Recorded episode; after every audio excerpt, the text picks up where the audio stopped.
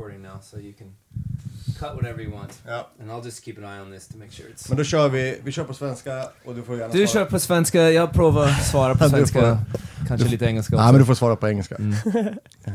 Jag kör svenska. Ja men det tycker jag, ja men självklart. Det är skönt. Första Ja. gången, äntligen kan jag prata svenska. Ja men det blir bra. Sen får du väl dyka in här när du anser att vi, vi gör någonting galet då. Ja, ja. Det är ju du som är proffset Du lyssnar på Sjölivets podcast. Den enda och den största podcasten om sjölivet. I det här avsnittet kommer ni höra Andy Shell och Mia Karlsson från 59 Degrees North. Där de erbjuder offshore-seglingar med sin otroligt vackra Svan 48 från 1972. I år seglar de, från, seglar de inte från, de seglar till Svalbard via Tromsö och sen kommer de gå nu vidare sen eh, Grönland och ner till Irland. Jag träffade Andy och Mia i deras nya hem i Sverige där de precis hade egentligen fått allting klart med deras lilla hus. Och där var de mitt uppe i förberedelserna för att eh, göra allting klart för denna resa upp till Svalbard med allt vad det innebär. Ett fantastiskt par och eh, hade jag haft möjlighet så hade jag nog gärna åkt med. Men jag har lite andra, andra grejer som sker i mitt, mitt liv. Men har ni inte hört talas om dem så tycker jag definitivt ni ska gå in och eh, kolla in deras hemsida. Tack vare Andy Shell som jag finns med i Sjölivets podcast. Om ni inte har hört talas om Andy Shell så kan jag rekommendera hans podcast som heter On the Wind som är en podcast precis som, eller inte precis, som är liknande det som vi gör på Sjölivet. Han intervjuar otroligt många intressanta människor och seglare. Dock är det på engelska och i den här intervjun så kommer Andy skifta mellan svenska och engelska så jag hoppas för guds skull att ni förstår vad han säger. Om inte annat så får ni väl hojta till så ska jag väl försöka göra någon dubbning vilket jag helst inte vill göra. Sen vill jag passa på att tacka Polyprodukter för förtroendet att vi får vara med och testa deras produkter. Vi kommer köra stenhårda tester på dem och vi lovar att de, ni kommer få se ett ärligt svar på det. Och sen vill vi också tacka International för att sponsra Sjölivets podcast. Så vi kör igång.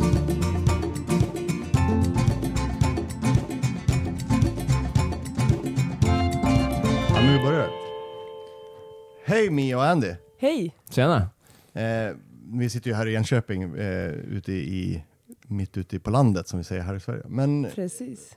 som du själv sa här nu i början Mia, det är första gången du får prata på svenska på en Ja. podd här ju. Men du får gärna berätta lite vem du är och givetvis du Andy, men du då Mia? Vem, vem är Mia Karlsson? Mia, eh, uppvuxen ungefär tre kilometer från här vi sitter. Så jag är uppvuxen här utanför, utanför Enköping på landet, långt ifrån segelbåtar och segling. Så vi, eh, jag började inte segla förrän jag träffade Andy i ungefär 10-11 år sedan nu. Mm. Eh, så när jag var liten så fokuserade jag mycket på simning. Eh, mycket träning vart det under ungdomsåren och sen eh, när jag började resa så träffade jag Andy och då eh, introducerade sig till seglingen och tyckte väldigt mycket om det så vi ganska snabbt kom in på seglingsbanan och köpte egen båt och började segla mer och mer. Så på den vägen är det. Vi kommer in här. Du då Andy, vem, vem är Andy Shell? Förutom den här extremt populära killen Ja, som har sin nej. podcast. Jag har svårt att, för, att förklara... uh, I'm gonna do this in English. Ja. It's... I think about how I identify myself a lot, and probably to people that listen to my show and see us sailing, that you know I identify as a as a sailor to people that see me from a distance. But I don't actually identify. I, I wouldn't call myself a sailor. There's, I just have a hard time putting it in a box like that. I mean, I mentioned to you before that we're planning our spring schedule around me coming home to sit on the couch and watch the Masters golf tournament for four days. So I guess I don't know. I I enjoy adventure. I like travel. I like. I'm very curious. You mm-hmm. know, I spent last night till midnight fiddling around learning how to code for the website so I could make these interactive map things work the way I want to. So it just so happened that for some reason I got interested in sailing and that's what stuck. But I can see a lot of other avenues that my life could have taken. It's just just for by circumstance that's the one that that I was most interested in at the right time in my life, and found Mia, who was a willing partner to to do it to do this kind of lifestyle with. Um, but I don't really identify as a sailor, if that makes if that makes any sense. Men ni har ju, ni, ni driver ju den här 59 North som ni har som ett, som, vad man säga, chartersegling eller o- offshore-segling som ni har. Men, men hur, hur kom den här idén från början? Vad, vad, vad fick den här grogrunden? För ni, börjar, ni har ju en svan nu, som vi kanske kan prata mer om, men ni började med en, en annan båt innan som var en, vad heter den, Noctorious va? Arcturus, precis. Arcturus. Så vi, när vi träffades i eh, 2006 var det va? Då träffades vi och sen eh, när vi kom, jag var ju fortfarande, bodde i Sverige och Andy bodde i USA. Så Andy hade gjort en deal med sin pappa att han köpte en båt, pappa köpte en båt och Andy betalade bryggavgiften och bodde på båten. Så Det var jag, pappa och mamma. pappa och mamma var ja, det. den tiden. Mm. Mm. Eh, och sen eh, när, vi, när jag kom till USA, då bodde vi på pappas båt. Och vi insåg väl ganska snart att det vore skönt att ha en egen båt. I have to interrupt just for a second. Det var, jag och mamma och pappa köpte eh, pappas, som båten har, han har kvar nu, so. Sojourner. Um, vi köpte den i december 2005. Precis inför jag åkte till Nya Zeeland efter university. Bara för att resa. Jag var ute själv. Och sen kanske ja, tre veckor efter vi köpte båten och jag flyttade på båten. Jag hade en lägenhet i Annapolis. Jag hyrde ut till en kompis och nu bor jag på båten och nu börjar livet på riktigt. Ja. och sen träffade jag Mia tre veckor sen. Och sen eh, ett år sen köpte vi eget båt och planet med pappa och mamma, det, det försvann nästan på en gång. De blev själva med båt. Men pappa har båten kvar och det är en lång historia. Mamma dog i 2012 och pappa fortsätter segla. Han seglar mycket med oss. Men eh, ja, det, det är kul hur livet går ibland. Att vi hade ett plan och sen det var helt... Sen jag flyttade till Sverige nästa år, Ja. och året efter det, 2007, Men första vi gången. köpte väl båten också så vi hade, jag vet inte varför egentligen, men det var väl för att vi kände att vi ville ha en egen båt att segla på. Och sen ganska snart så föddes ju drömmen att vi skulle segla över Atlanten. Vi skulle segla hem båten. Men det var bara egentligen, från början var det ursprungligen bara för en egen nöjes skull, alltså ha en båt för, eller fanns Jag det, tror inte det. Jag tror fanns det någon nästan- baktanke? Ja, det var, I mitt huvud var det mycket Ja. baktänke. Jag vet inte hur mycket det var i din huvud, men i mitt huvud var det, var det att vi ska segla våran båt för att bygga upp lite ja, experience, lite, how do you say? um, Erfarenhet och- Ja, precis. Eh, nej, men um, det, det ska vara svårt med svenska och engelska Ja. nu, med att hitta ordet, men um, eh, like, what is the word when you wanna credibility. Lite credibility. Så vi kan jobba i seglingsvärld. Mm. Det var baktänkning i mitt huvud. Och lite äventyr. Mm. Precis. Och sen eh, så vi eh, jobbade faktiskt med att fixa ordning båten. Båten var jättefin när vi köpte den. Eh, väldigt fint skick. Den hade stått på land i tre år. Det var en äldre man som hade jobbat med båten i, i tre hela år och haft den, eh, inte ens haft den i vattnet under tiden. Så den var ju fantastiskt fin.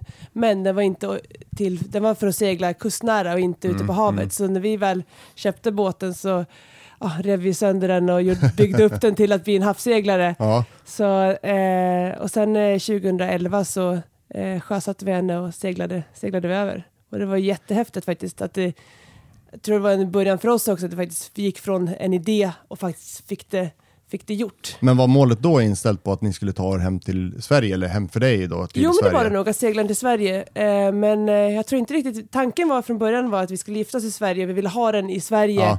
eh, till bröllopet. Men eh, det gick lite för snabbt, vi hade inte riktigt tid att få klart båten och samtidigt, jag pluggade fortfarande i Ja. Sverige så det var fortfarande, vi hade inte så mycket tid. Så då var det att vi tog med den till Sverige efter eh, bröllopet. Mm. Så då seglade vi över. Jag tror också vi, vi alltid behöver ett mål med våran liv. Mm. Det är inte bara för att ut och segla för att det är kul. Vi ska segla till Sverige för att vi ska gifta oss i Sverige. Och det är en bra mål att... Eller, eller hur? Jo men det är det nog. Vi tycker nog att det är nog skönt att alltid ha liksom ett större syfte med en, ett nöje. Att Ja. det är inte bara ett nöje, det är inte bara någonting vi gör för att det är kul, utan det är också att nu ska vi ta båten hem till Sverige. Eh, så vi seglade över till eh, Irland och eh, var ganska sent på säsongen, så vi bestämde att vi lyfte upp båten då eh, på Nordirland och sen sommaren efter så stack vi vidare och seglade genom Skottland och faktiskt seglade hem. Och det var- ganska häftigt, för när vi väl kom Vi kom in till västkusten till Marstrand eh, och fick hissa upp svenska flaggan på rätt sida. Du har gråtat. Ja men det kom lite tårar i Ja. ögonen, det var ganska stort faktiskt. Ja, Att jag kan segla tänka till lilla båt, alltså det var inte en liten båt Nej. men för oss var det ändå liksom vårt hem. Vi seglade hem och sen till slut så seglade vi runt den eh, upp via Gotland och till Stockholms skärgård och sen tog vi upp den i Enköpingskanalen Mm. och la, la till den i Enköping så vi seglade verkligen Verkligen från hem. från hem till hem Ja. och det var, ja, det var annorlunda. Det var väldigt, väldigt eh, känslosamt. Ja, det kan jag förstå. Men det, för du, du med hade ju, du hade ju inte kommit från seglingsvärlden innan, vad jag förstår som du har gjort Andy, som ändå uppväxt sen barnsben, uppväxt med... Jag hade, jag hade ingen segla. val, jag har bara växt upp med Ja. segling sen jag var... Som mina stackars kan barn visa lite göra. bilder. ja, eller hur? Ja, men du med, för du hade väl ingen erfarenhet från båt? Första gången jag satte mig fot på en segelbåt var när vi träffades i Ja, Nya. Zeeland, så jag hade verkligen aldrig seglat. Så instegströskeln var rätt hög att lära sig? Ja, men samtidigt så tänkte jag att för det var som när vi var i Nya Zeeland. Vi hade en bil, vi körde runt, vi kampade. Vi levde ju ändå ett ganska enkelt liv och det är lite som seglingen. Att man lever ett enklare liv, man har med sig sitt hem. Man, eh, jag tycker om att vara utomhus, jag har alltid varit lite, ah, tyckt om att resa, upptäcka nya saker och allt det är egentligen segelbåt i ett ja, i nutshell. Så eh, på ett sätt så var det ändå inte jättestort steg. Det var egentligen bara elementet runt omkring som var Ja men annorlunda. precis, att det var eh, det fyllde ändå alla saker som jag har gjort tidigare. Mm. Utomhus, man tycker om att röra, vara aktiv, upptäcka nya saker, träffa nya människor. Allt det är ju seglingen. Men, men hur började då? Fanns 59 eh, North då, när ni seglade hem till Sverige? Eller kom, hur kom den idén? Ni sa ju att det fanns ju någonstans en baktanke då, men när, Ja. när kom det? För oftast är det ju, man står ju där vid, vad ska man säga, vid, vid stigen där, Mm. vägvalet. Ska man välja vänster eller höger? Och hur, hur, såg ni, hur såg den valet ut? It, I want to just answer philo- philosophically. First of all, I'm a big, and this comes from my mom. I mean, I have a tattoo on my wrist that says "Hold fast to your dreams" in my mom's handwriting, which she had written in a note to me right before that first trip to New Zealand. And I found this, and I thought that's that's like my whole philosophy in a nutshell, right there. But um, my point was going to be that I'm a big proponent, regardless of what your career path is, to sort of just have your eyes open to opportunities and be brave and flexible enough to grab opportunities when they happen. So, as that kind of applied to us, um, I'm partially colorblind. So I wasn't able to get my British Yachtmaster license. Our our idea was to go and work on a 80 foot oyster or something as a couple for a few years, save some money, see the world, do that thing, and then and then probably ultimately start what we started with our boat. I've always wanted to do that in the back of my head, but uh, I couldn't pass the test. I couldn't pass the medical exam to get a, the license. Men du, men du kunde klara amerikanska testet? Yeah, exactly. It's there's different standards, and Yep. and the, the British have it's if there's one test. If you can't pass that test, you're SOL. In America, if you can't pass the first test, there's a whole, whole bunch of other tests you can do, and I can pass all those just fine. I could be a fighter pilot in the U.S. military, but I can't be a, a yacht captain in Britain. And unfortunately, like something like eighty percent of the super yachts in the world are British flagged Yep. or a flag that recognizes that system.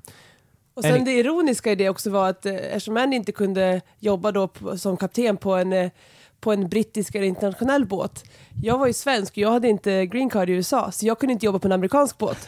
Så han, vi kunde inte jobba på samma båt. Så helt plötsligt så den här tanken som vi hade att vi skulle jobba tillsammans på en båt, det gick fysiskt inte för vi kunde inte göra det. Så då var det bara att ja, tänka om lite grann. Det var då vi började jobba med World Cruising Club. Well, exactly. This was the opportunity I was getting back to. We we were just asked out of the blue if we wanted to work for World Cruising Club, who runs the ARC rally and some of these long distance ocean rallies.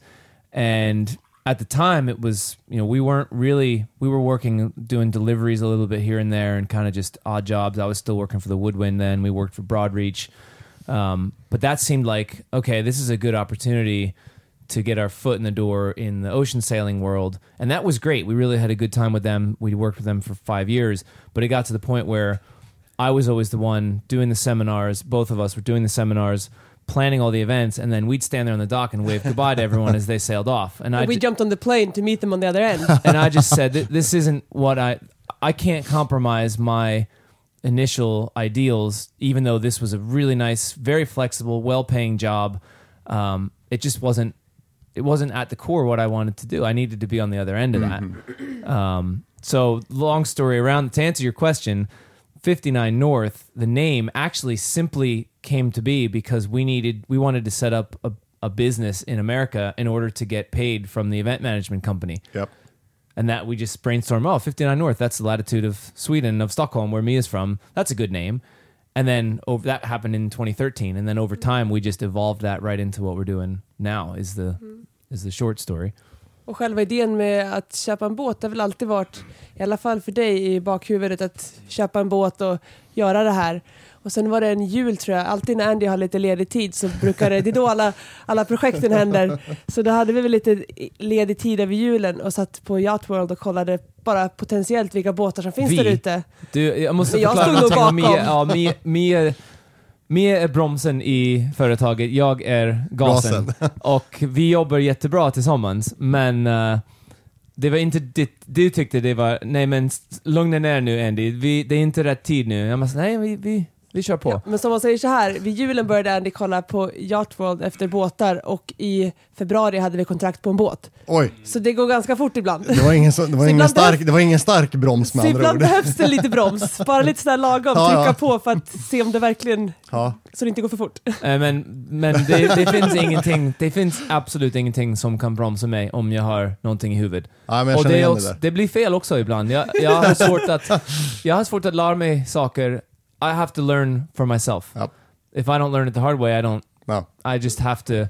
There's a really, really, really funny story about the outboard we installed on Arcturus, which is a perfect example of this. Have you seen? Have you heard this before? Nej. Seen this? Nej.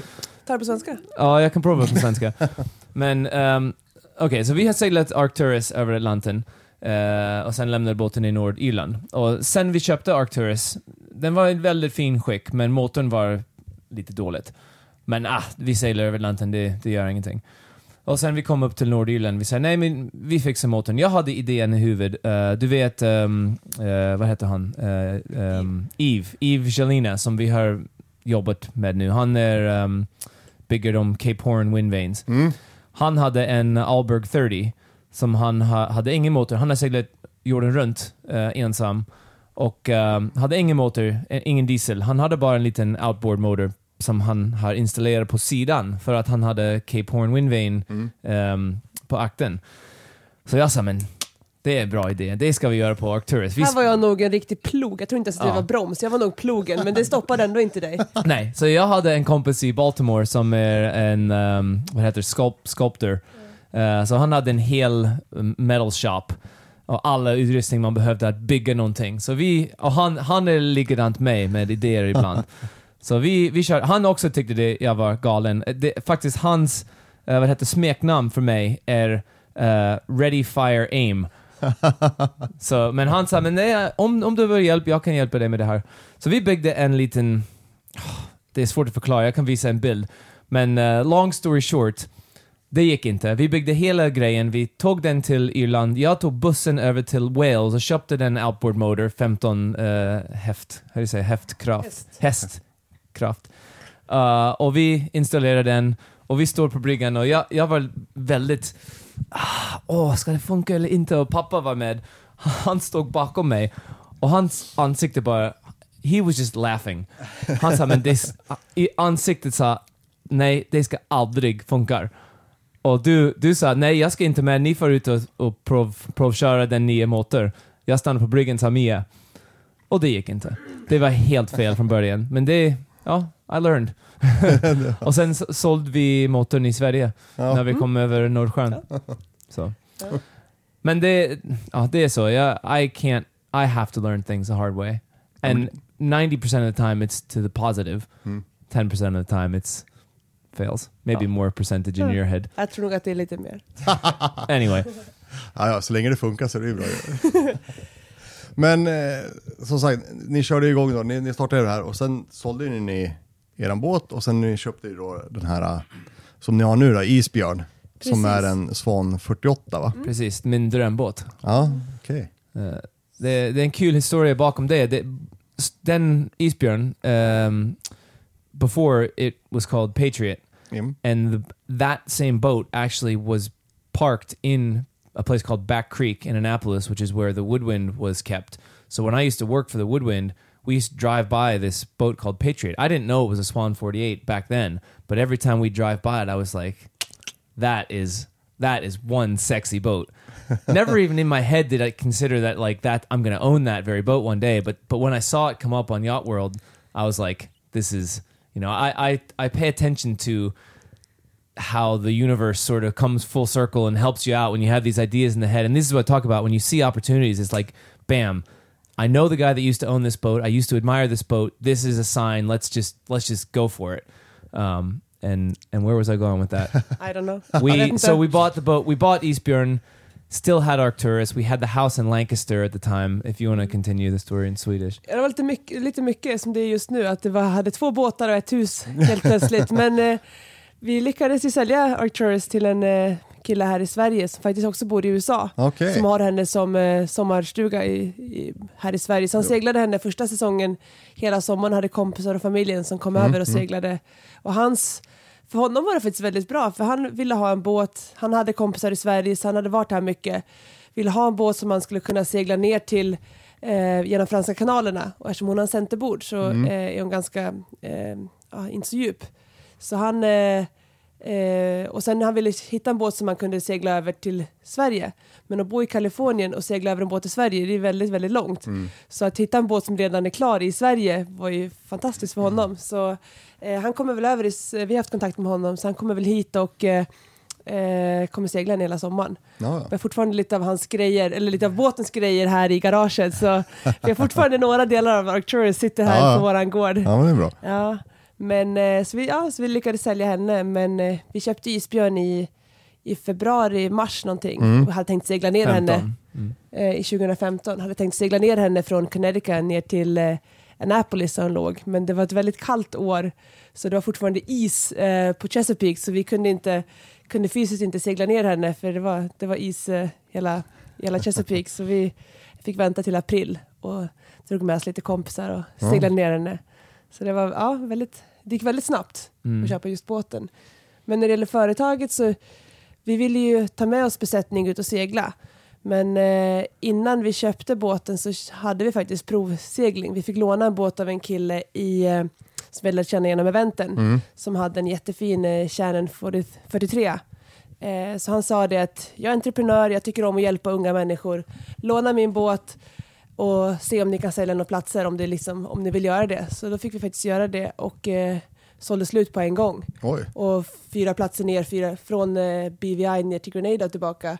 Och då kände vi så här, wow, det finns faktiskt ett intresse. Det finns folk som vill, som vill ut och Som- som segla. jag. och som har, och att, kul att kunna visa upp det, för det är inte alla som har möjligheten att kunna, alla har inte kompisar som har en segelbåt. Nej. Och även om man har en segelbåt som ligger hemma i viken, så att kunna hoppa på en båt nere i Karibien och segla hela vägen till Grenada och tillbaka, det är kul att Det kunna... är inte samma som att cruisa lite i BVI Nej, en vecka och dricka vin och Våran- njuta. Det är riktig segling. Ja, vi men ni har, erbjuder ni, ju har, liksom långa seglingar. ja, men ni har ju ett, ett, ett lite intressant koncept, alltså just det här, lite som jag lyssnade på din andra podcast som har Mm. om det här How I think about sailing, alltså just att det är den klassiska navi- navigeringen, alltså man egentligen, ni, vad jag förstår, ni har ju ingen plotter heller i, i alltså klassisk navigering av Ja, och det, strunta i elektroniken och gå tillbaks där det egentligen handlar om, alltså känna av båten och, och utnyttja de traditionella verktygen man använder, kompass och, och så vet Ja, jag att jag håller väl på med sexkanten också och kollar efter stjärnorna och grejer. Det är bara för, för roligt. Men eh, ja, min filosofi med, med allt är att har alla fundamentals och sen alla tekniska grejer, det är bara för att det är lätt. Men det är inte behövt. Nej. För du ser alla papper Ja, men kort precis. som ligger på golvet här ute. Vi har också ehm, ja. Jag har också en iPad som har alla sjökort vi behöver och 99% av tiden är, kollar vi bara på iPaden. Mm. Men jag vet precis, det är ingenting om någon tar iPaden och Kastar kastar det över bord. Det gör ingenting. Vi bara har papperkort. Det är helt okej. Det är ingen kris om någonting händer med våra tekniska grejer. Nej. Och det är mitt filosofi med allt, för det är enkl enklare också. Ehm, men det är inte som, jag är inte en, eh, vad heter, uh, ludite eller någonting. Jag, jag kan, jag tycker om tekniska grejer, Ja. men jag vet att jag förstår att det inte behövt. Och det är två olika uh, Nej, men det, filosofi. för oss är det viktigt att man kan grunderna. Ja. Och kan man grunderna, då kan man få använda de lite enklare ja. grejerna som en iPad eller plotter eh, till vardags. Men man måste ändå kunna grunderna. För skulle plottern gå sönder, då Vad vill gör man ju man då? det, det är också, det är Ja. inte problemet, men det är en eh, challenge nu, nu på tiden med de som vill eh, göra havssegling. För i, inte så långt, ehm, ja, i 70-80-talet, det var ingen val. Man hade sextant och körde Celestial Navigation. Ja. Och man lärde sig alla fundamentals för att det var behövt. Mm. Men nu på tiden kan man skippa den steg. Ja, det är bara att köpa en plotter så är det klart. Precis. Och 90% av tiden är det helt okej. Mm. Men man, man har ingen fundamentals nu på tiden. Det är inte behövt. Man kan skippa det steget. Och det är en challenge med hur man lär människor att segla ute på havet. Ehm, Och sen också när man seglar som exempel över Atlanten. Det är mycket häftigare att sitta med ett stort papperskort Mm. och plotta varje dag, en gång om dagen, hur långt man har kommit. För det är ändå bara plotten säger, alltså själva det Ja. elektroniska, det säger ju bara, det är ju bara blått. Ja. det finns inte någonting däremellan. Ja, men så sen då är är det det, ju ju nå- skönt att ha men- pappers. Sen är det ju något speciellt att vika ut ett stort sjökort och, Precis. och känna på att och, eh, Ja. dra lite streck. Det är, lite, det är lite back to basic på något sätt. Det är lite, lite hardcore på något sätt. Ja. It's it, to me too. I mean, there's no reason. Th- There is no efficient reason to sail across an ocean. You're not doing it to get there from A to B. First of all, yeah, plane tis- ticket is expensive, but to outfit a boat, it, it just there's no practical reason for doing it. So, why are you doing it? That's hmm. good. You have to ask yourself. You're doing it f- because you can do it for the Yep. sake of it, for the adventure. And along those lines, why wouldn't you want to learn the history of it? It's all connected. I mean, sailing is one of the few things that you can draw a direct line thousands of years into the past and how people navigated and how they did all this stuff. There's not a lot of activities that have that history to it. So I look at it as just part of the fun of the sport. It's not useful. You don't you're never going to I teach celestial navigation. You will never need to pick up a sextant most likely. But it's fun to do it. It's cool. It's it's a neat thing to do and it's not difficult and um I just that the philosophy of oh why would you waste your time with that it's like well you're wasting your time by crossing an ocean in the first place Yep. like so what the what, i mean Varför inte? exactly Ja. Det är väldigt ologiskt att det ska ta 23 dagar att segla över Atlanten när man kan flyga. Jo, Men det är ju det som är skärmen. Jo men det är så må- många andra som jag pratar med som, som säger, man, man brukar fråga men vad är tjusningen? Eller man får det själv också, vad är tjusningen att segla? Eh, men det är väl också just det här att mål, målet är, alltså resan är inte målet. Utan resan är en del av, alltså resan, målet är en del av må, resan och komma Precis. ikapp tiden som du säger. Ja, men visst, man kan ju flyga runt halva jorden, man kan flyga härifrån till New York och sen är du där på boom. Men de kanske inte kommer ikapp tiden eller du får en med, alltså någon filosofisk del av att tiden är med dig när du seglar eller någonting sånt där. Att du, du hinner upp det där. my uh, one of my heroes who actually is the he his, his name's john kretschmer he's written a bunch of books but he more than anybody else is probably the single the strongest reason that we have the business that we have now i essentially copied his career from the he used to be a delivery captain to writing and all this stuff but he's been a mentor to us as well and his new he has a new book coming out in september that's called um, I think sailing to the edge of time or something. And it, it's that same philosophy. Oh. It's and and if you can't understand why it's not a waste of time to sail across an ocean, then that's not your thing, and that's Right. fine. Um, so, but that's that's what it's about. It's it's time physically changes when you're offshore and in the moment, and and I and I rue the day when we have satellite broadband so that your phone works no matter where you are. That's gonna happen in the next whatever 10, 20 years. And right now, you physically cannot connect to the internet when you're offshore. You can, but it costs a fortune, Yeah. and we don't have the equipment. But um, that that part of it alone, it takes three days to get to get disconnected from your phone and the internet and stuff, and that part alone is is worth it to me. Ja, det måste vara fantastiskt vara helt bortkopplad. Ja, Det, kan, jag tänka, det kan jag tänka mig. Alltså jag har aldrig provat det själv men eh, Det, alltså, det, det, måste det vara läskigaste är helt... när man kommer i land, som när vi seglade över Atlanten, det tog oss väl 12 dygn från Bermuda till Azorerna. Så kopplar man upp sig på nätet och sen kollar man Facebook, Instagram, lite mail. Ja. 20 minuter senare insåg man att nu är jag klar. Och det, jag har inte inte mycket händer. det är Nej. inte så mycket som har hänt. Nej. Varför spenderar jag så mycket, Mycket tid i tid är det. telefon i Ja. vanliga fall när det händer så himla lite egentligen? Ja. Men det, ja, det är bara för att man, för att Ja, man men, kan. ja, men jag kan tänka mig det. man får ju rätt, alltså perspektivet blir ju lite annorlunda, alltså just med tiden också. Vad gör man med tiden? Och vad Mm. Precis. utnyttjar jag tiden till? Jag utnyttjar den till att vara uppkopplad konstant eller Ja. utnyttjar den till något mer och effektivt? Men ja, det, Alltså det tycker jag är tjusningen just när man är ute på havet under en längre tid. är Att man är faktiskt, det är inte många gånger som man väljer att vara, eller som man, som man ofrivilligt är frånkopplad. nej. Var som helst man är på jorden är man ju faktiskt uppkopplad Ja, ja, nästan. precis. Sorry. Men eh, då, återigen det här 59 North som ni har, ni har ju, man kikar på er sida, ni, har ju, ni är ju stort sett, eller ni är väl fullbokade för 2018 och ni har ju lagt ut 2019 nu också som jag förstår att också har börjat bli bokade, eller är den också fullbokad 2019? Eh, första halvan är fullbokat till 19. Det är lite Eh, platser kvar på tävlingen. Mm, vi, Mm. Just idag faktiskt, vi har, ehm, vi har en till resa i 18 från Ja. Sydportugal ner till Madeira och tillbaka. Ja.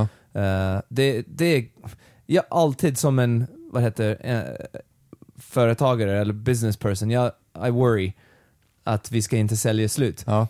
Och vi hade en som avbokade sig från våran Island mot Irland segling. Och så Mia satte upp någonting på Facebook eh, och uh, skickade mail till vår besättning. Och jag sa, nej men kanske vi inbjuder en kompis och nej, jag vet inte Det är det sommar, funkar." det är svårt, Ja. många har ju Sommar, sommarplaner. det- Ja, just, visst. just under sommaren är det svårt att sälja en plats som är lite tajt inpå. Ja. För många ska på bröllop och Ja, det är visst. semestrar bokade och sådär. Men sen, eh, ja, 24 timmar senare fick vi inte en, men fem stycken som Oj. anmälde sig till en lediga Plats. plats. Wow. Så vi sa shit, kan, har vi lite tid i september vi kan, vi hopp, för jag, jag hatar också att skicka bort människor Ja, som visst. vill segla Ja, med visst. oss. Så ehm, vi tänkte här och där, och vi, vi har två veckor i september, så vi ska göra en till i 18, men det är, vi har inte satt upp den på hemsidan för Nej. det är redan fullbokat. Ja, Eh, precis. så så det, det är jättehäftigt och vi tänker mycket hur ska vi växa företag eller ska vi köpa en större båt Ja. eller en, en andra båt men det blir en annat företag sen. Ja. Det blir inte Det samma... blir mer företag då, Ja, om man ska ha hand om två båtar. Ja. Så vi är nog väldigt Till slut så kanske ni nu. står där på bryggan och vinkar av Ja, eh, båtarna istället som ni inte ville göra. Nej. Så, nej, så det är jättehäftigt att, eh, och att det är kul att det finns. Och då, det känns också som att vad vi erbjuder är faktiskt uppskattat. Ja. Eftersom det faktiskt säljer slut. Ja. Och det är inte första året, det är inte andra året, utan nu är vi inne på tredje och fjärde året. Och att det fortfarande finns så mycket folk som vill komma och segla. Ja, det är en ny besättning också. Det är kanske 20-25% som seglar med oss varje år. Ja. Men blir det mer och mer? Och det är podden, som du kanske Ja. vet. Jag har börjat med min, min podcast i 2013 och det var bara för att göra någonting roligt. Ja. Men det är varför vi har besättning. Ah, Nästan alla kom in från podden. Mm. Alla som seglar med oss. För det där är lite intressant, vi ska ju in på er, din podd sen, men om er resa som ni gör. Jag vet ju, jag pratade ju som jag sa till dig Andy, jag pratade ju med Karin eh, Syrén från SV Delos här i förra veckan.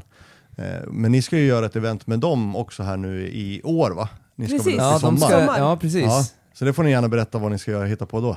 I sommar så, eh, vi, hade ett, eh, vi ska upp till, eh, eh, säsongen börjar första maj, så vi seglar över till Skottland och sen upp till eh, Norge och över till Svalbard Mm. och sen tillbaka ner. Och sen hade vi två och en halv vecka upp i Svalbard, tre veckor nästan. Och skulle, tänkte Som bjuda, var planerat, Ja, bara vi- för, vi skulle för ha ledigt och Ja. bjuda med vänner och upp och segla. Och sen kände vi att eh, vi lärde träffade Brian och Karin från Dellos eh, en jul när de var här hemma i Sverige och tyckte jättemycket om dem. Och sa vi det, men ska vi inte fråga om de vill komma med? Eh, för det är ett jättehäftigt projekt att kunna filma tillsammans med Ja, dem. visst.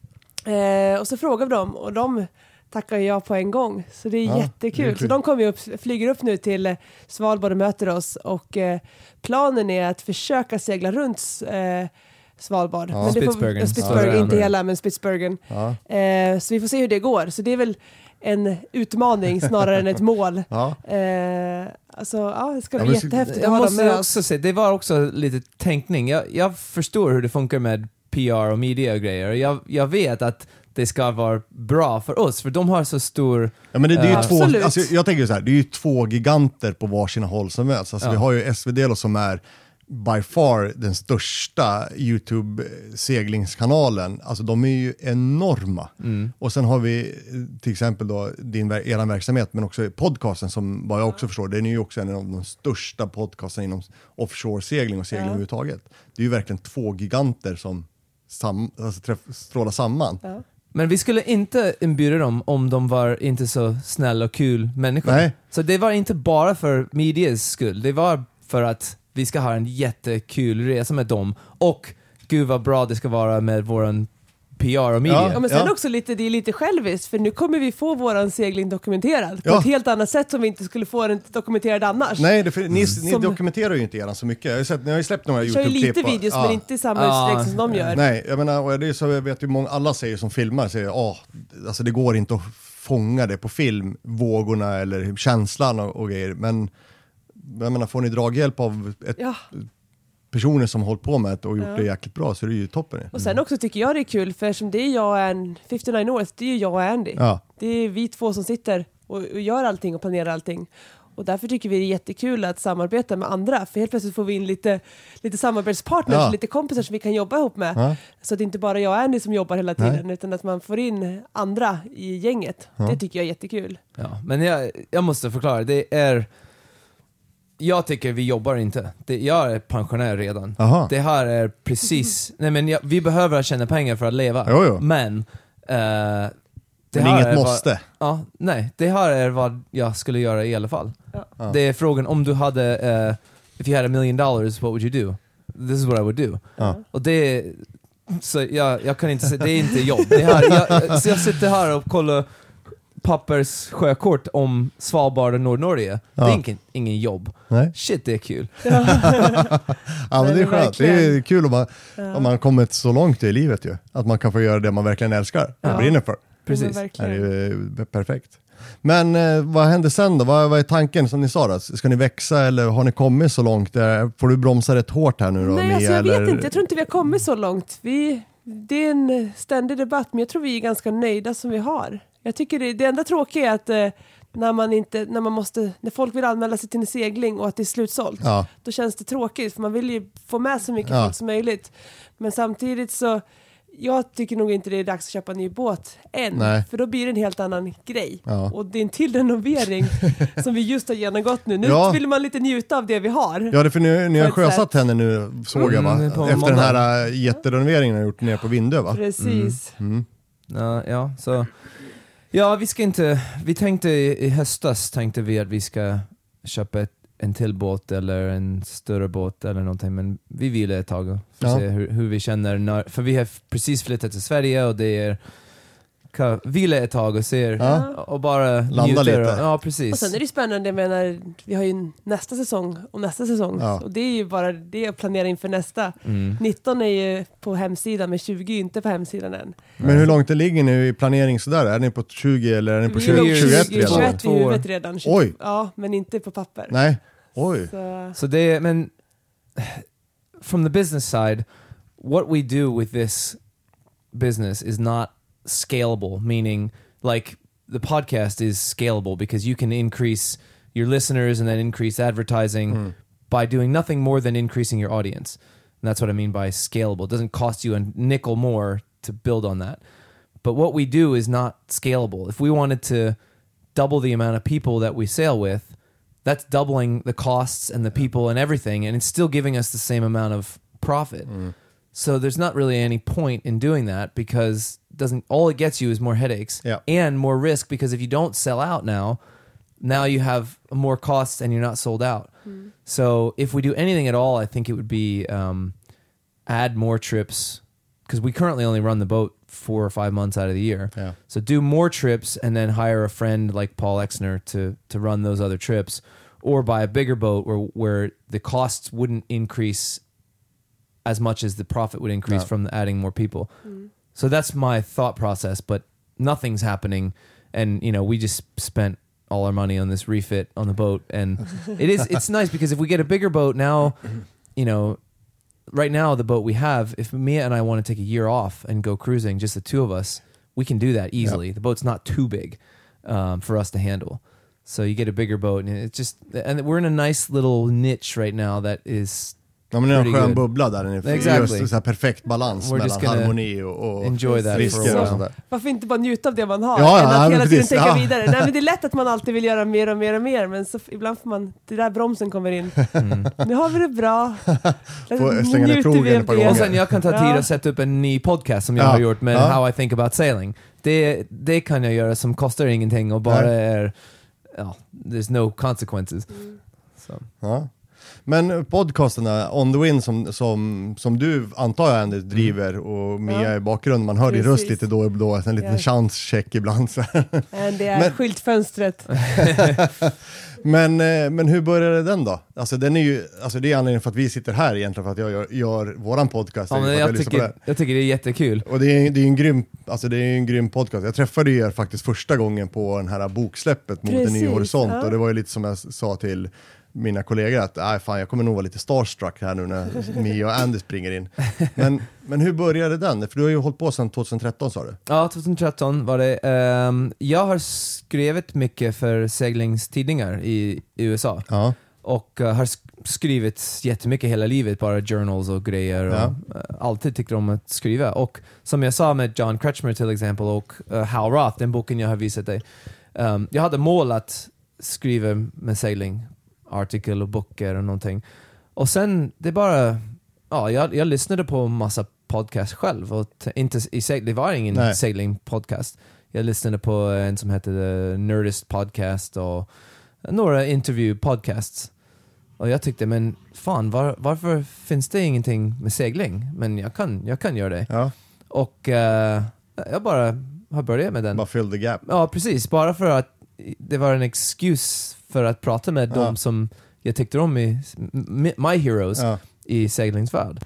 Och eh, det är så kul med segling för att jag har frågat alla mina heroes um, vill du komma och vara med på podden? Och inget har tackat nej. Alla, upp till Sir Robin Knox Johnston. Ja. Jag vet inte varför. Han, varför skulle han sätta med mig en timme och prata om hans men- liv? Snacka om att bli starstruck, man Ja. får ett mail, jag ger dig två timmar. Oh. Oj, wow! Nej, det var häftigt. Ja, så, bara för att det var häftigt. Det var ingenting. Det, it, it would be nice if I said, well, I had this big plan to start a podcast and then build a business on the back of the Ja. podcast. That's not how it went at all. It was just a hobby for me. Um, och sen, jag förstod att jag har inte skrivit en bok än. Ja, det fortfarande ett mål, men den podcast, den är min grej Ja. den är bara jag som har den podcast som har ja, 230 avsnitt nu. Så den är min speciella grej som jag har.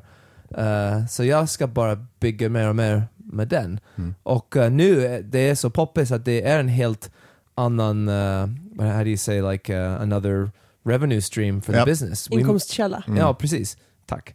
Uh, we we make a a significant amount of income in donations from listeners and and uh, sponsors, and it's been a way.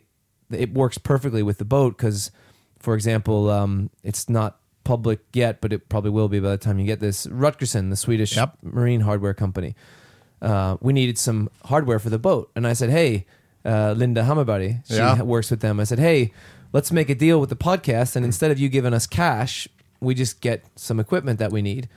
So it's perfect. They Yeah. don't have to spend any money, but we're getting a whole bunch of valuable stuff. And most most of the podcast sponsors now are cash because we we don't need any more crap on the boat. but um, but it's a nice way that it, it all fits perfectly together. And then by accident, like I said, most of our crew are fans of the podcast Yeah. first, and then come in that way. So just by dumb luck, it's worked out, and and I've worked hard to to kind of keep it that sort of vibe of it's just me doing it and not make it too commercial. But at the same time, I've been able to make some money from it as well. För, för det kommer vara rätt intressant, för när det här avsnittet sänds, så avsnittet innan så har vi precis pratat med Linda Hammarberg och, och eh, Ludvig. Nej, vad roligt. Ja, så de var faktiskt nere och träffade dem i deras båt och, och käkade god mat och sånt där, så det var väldigt trevligt. Var det kallt? Inte båten, men det var kallt i Marstrand. det var kallt. Det var innan Göteborgsmässan. Så. Ja, okej. Mm. Ja. Ja, ja. Men eh, nu då, nu som sagt, ni håller på att planera för fullt här nu då. eh, För eran eh, resa. Vad är, vad är det största far, farvågorna ni har här då? Är det isberg och sånt där? För jag vet, jag har hört era oroer förut att diskutera vad som, vad som kommer ske och vad ni ska se upp för. Men är det isberg det största eller är det, Det är en bra fråga faktiskt. Eh, eller finns det några så här, som ni känner Sva- själv eller har ni kommit över Svalbard, det? Svalbard är den enklaste Arctic man kan segla Ja, till, för det blir inte mycket is. Det blir ingen fast is. Eh, det blir några isberg, fast det blir uh, sol 24 timmar om dagen. Mm. Eh, vi har installerat ny radar till båten nu, Ja. för isberg och, och, och grejen, men uh, I, I was talking with Mia the other day about this, that I feel strange because I don't feel worried. oh. And I and I'm worried that I'm not worried. ja. But I think it's going to come when we move back onto the boat. We haven't been on the boat since September. Så nu när ni kommer tillbaka i maj då kommer det... Uh, uh, ask me that question in two weeks, Ja, men det ska jag göra. April 20th, when we're 10 days away from the first crew coming and uh, and see how, how ready we are. but uh, uh, Men det är mycket det här ovissheten också som gör att man, eh, vi har aldrig varit där, Nej. Väder och vind, mycket saker som man inte själv, vi har nu seglat Atlanten några gånger och Karibien och USA så man har lite koll på liksom känslan där. Nu Ja. är det någonting nytt. Och Det är kylan och det här är lite arktiska klimatet Hur kanske. kallt kommer det faktiskt vara? Ja. Så man kan ju läsa temperaturerna. Ja, Men hur kallt känns det när det blåser ordentligt om man står där ute mitt i natten på vakt? ja. Hur, mycket sådana där saker, så det tycker jag är nästan det, både skärmen och det lite läskiga är att ovissheten. Och det är kanske därför vi också seglar Am- till nya platser. I'm most concerned about. I mean, we're. I'm much more comfortable at sea than I am along the coast. Yep. especially anchoring and stuff. So up in Svalbard, you know, you, you get these uncharted anchorages, and you get the ice that that moves in and out of the harbor based on the tides, and you get the fall vind. Um, so I'm that stuff keeps me up at night much, much, much more than than being offshore. Yeah. I, you know, my normal routine we leave a harbor is as soon as we get the sails up and, and out of sight of land and the boat's on course and the crew's happy, I immediately go down and go to sleep. And I sleep better then than I do any time in port because there's much, much less that can happen if you pick your seasons right and are prepared for weather and stuff. You're much, you know, better off at sea um, than than in a gnarly anchorage in Svalbard. So like when we're planning the trip with Delos, I'm probably not going to get off the boat very much because I'm go- I'm I can't I won't enjoy hiking around a Right. shore without constantly looking over my shoulder. So I'm just going to say, you know, our photographer James, he's the one that's getting the rifle permit. He's going to be in charge of the rifle because he'll be the shore leader most of the time, hmm. and I'll be on the boat fending off icebergs and making sure the anchor doesn't drag. So that's what keeps me up up at night. That kind of stuff more than the sailing side of it. Och det är någonting, man kan ju förbereda att man har ett bra ankar och man har bra system, men samtidigt kan man ju inte riktigt förbereda sig på känslan. Nej. Och det är ju många nya platser man kommer segla till där det inte är mycket folk.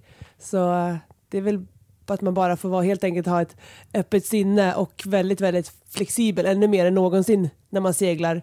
Att saker kan hända och att man måste ja, deal with the situation. Ja. It's funny though. We're t- thinking about our 2020 calendar, and we're leaning towards going to the Pacific, and partly because after the planning and the stress and stuff about this Arctic sailing, it's like, man, five thousand miles downwind in the trades in the South Pacific.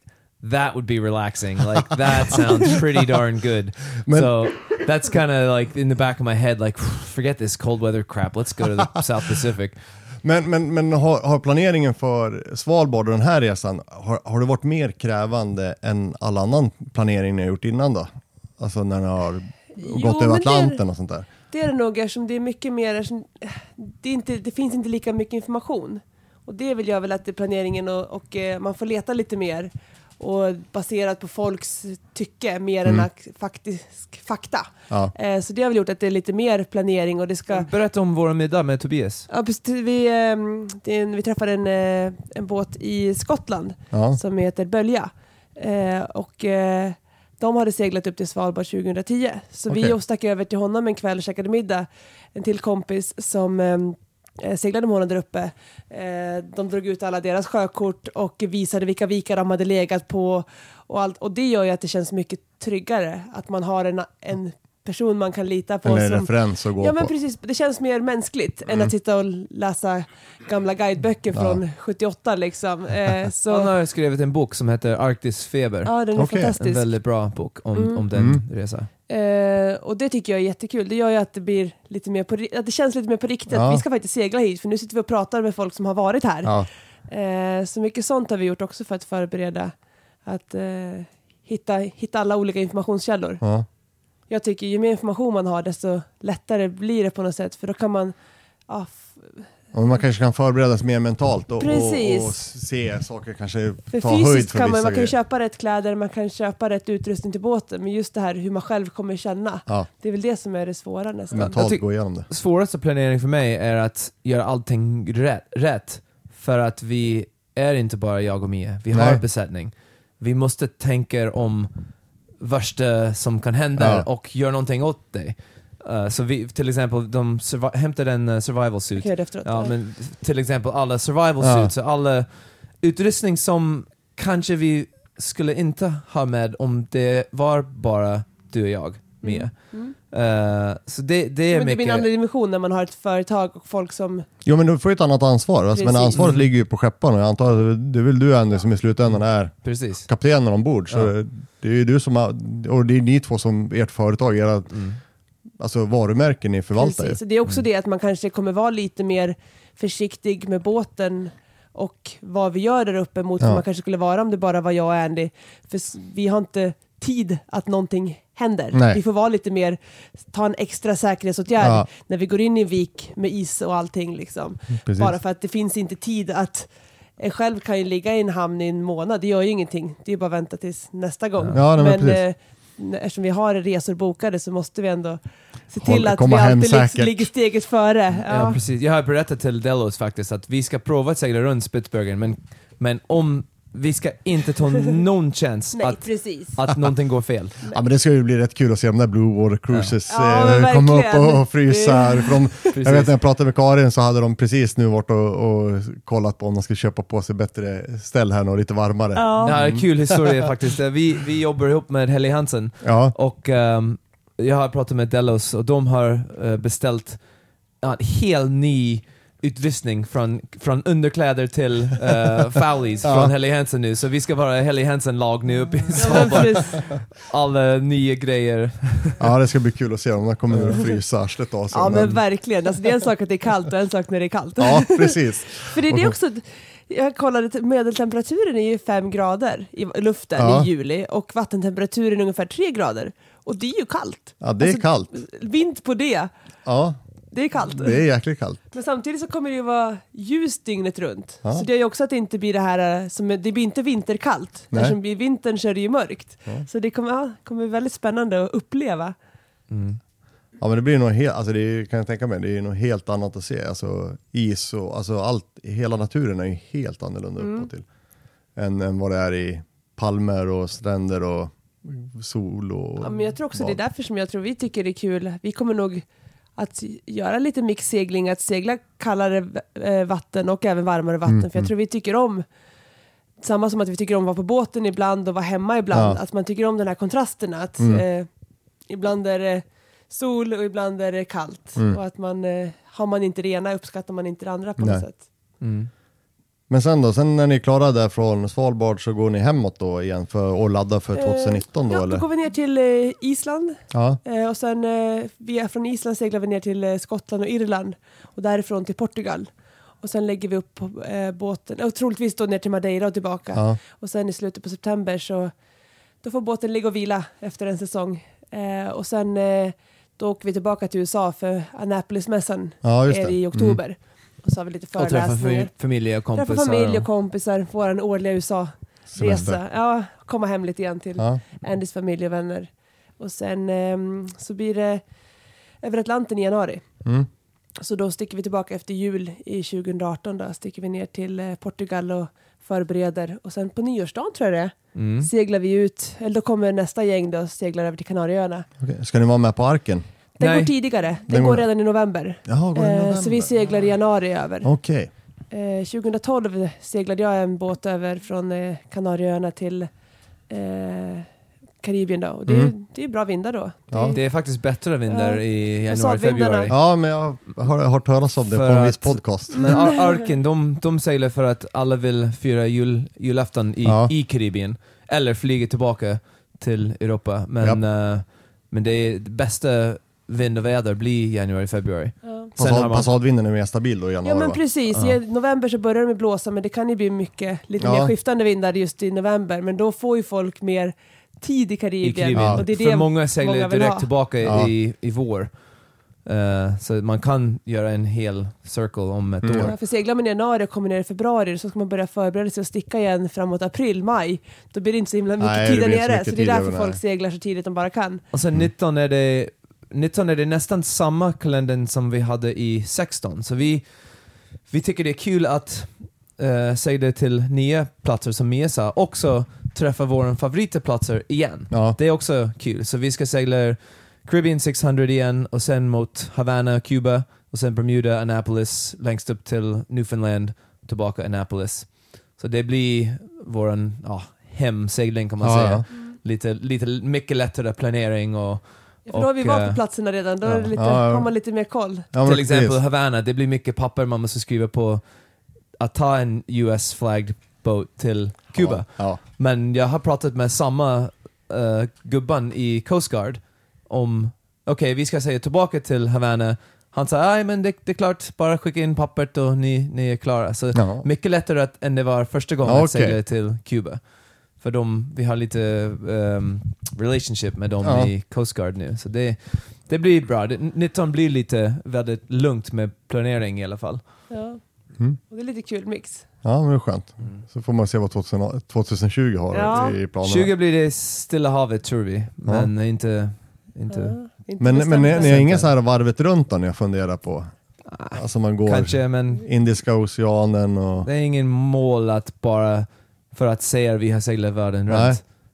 Om vi seglar världen runt så, så är det, men Det är inget mål för det. nej. Nej, jag kan tänka mig att det inte blir jorden runt, att vi faktiskt eh, när vi kommer till, om vi kommer till Australien, Nya Zeeland, att vi seglar liksom upp och tillbaka igen, Ja. att det inte blir fortsätta runt. Nej, Eh, men det får vi se. Det, det är det som är tjusningen, att man, man får dra fram eh, kartan och, och Ja. planera. I, I also we also learned from Mahina, from John and Amanda, uh, you know, kind of stressing about, oh well, maybe people aren't going to want to sail these different places, and they said, go where you guys want to go. You will not have a problem finding people that also want to go there Mm. because like they've been to Antarctica, I think seven times or something. Wow. And you don't think of that as a place someone would want to go. Maybe with like Skip Novak on a big Mm. expedition boat, but on a Hallberg Grassy 46, mm, well, they haven't had trouble doing it. So Ja, det är häftigt. so that's been uh, in the back of my head too. Like, don't, you know, we've had this sort of build it and they will come philosophy that Ah. like, don't worry about the market, create the market. You know, do what you guys want to do, and and that's kind of my philosophy as well. If if there's no people that want to do this, I'm gonna find another business. I'm Mm. not gonna build the business to what people want. Nej. If people don't want this, then I'm gonna find something else to do because it's not the same. I don't have the same passion. I can't work hard on things that I don't really care about. Men det har ju vi märkt också att det handlar mindre om själva destinationen och mer om seglingen. Så Ja. egentligen för många, vissa har ju specifika platser som de vill segla till. Just Kuba är ju många som, dit vill jag segla Ja. till. Eh, och kanske Svalbard, att det är också en, liksom själva destinationen är mer huvudmålet. Men för många så verkar det som att det spelar egentligen ingen roll om de seglar från Annapolis upp till Kanada eller om det är Bermuda till Florida. Det är seglingen Det är i sig och seglingen är destinationerna kanske bara blir en liten extra bonus. Mm. Eh, och det tycker jag är kul, för då blir det att konceptet på något sätt funkar vart vi än är. Ja. Bara det finns en flygplats och logistik för Logistik folk bakom. att ta sig till.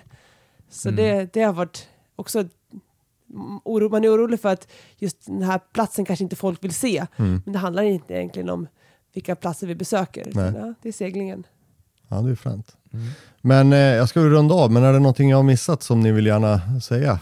Alltså, det finns ju jättemycket att prata om, alltså, ni Ja, gör ju mycket, men alltså, vi får nog begränsa lite. Men är det någonting? I mean, I, I just want to emphasize this whole, you know, one of my goals with the business is also inspiring younger people to get into sailing in general, but also just in a bigger picture, inspiring people to to follow what they're passionate about. Ja. Um, you know, one thing that we've learned is that when you take these risks of like starting your own business or whatever, um, generally people that that want to be entrepreneurs or whatever are pretty smart people, at least in some aspects. And if you think about the fallback being, well, I can always find a job doing something, there, then why not take the chance to do it? I mean, that that's kind of the whole thing behind this is like be brave enough to to to follow whatever it is you're passionate about, and if it doesn't work out, it'll work out one way or another. I mean, Vad är det kan hända?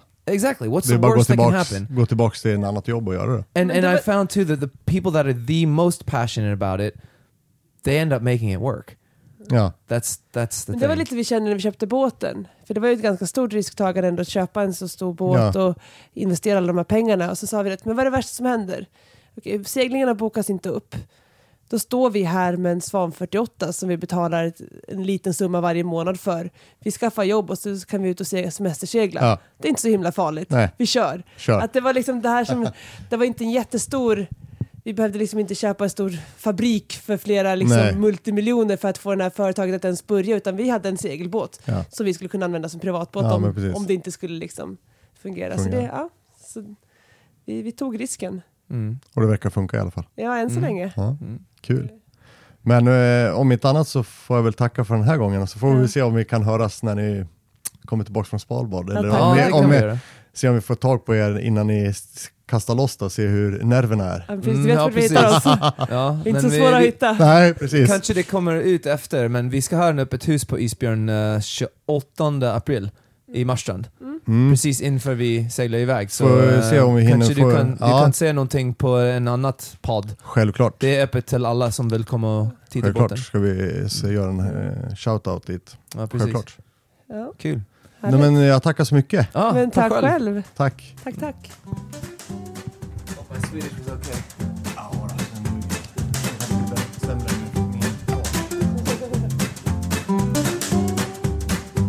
Följ oss gärna på våra sociala medier. På både Instagram och Facebook finns vi under namnet Jourlivet podd.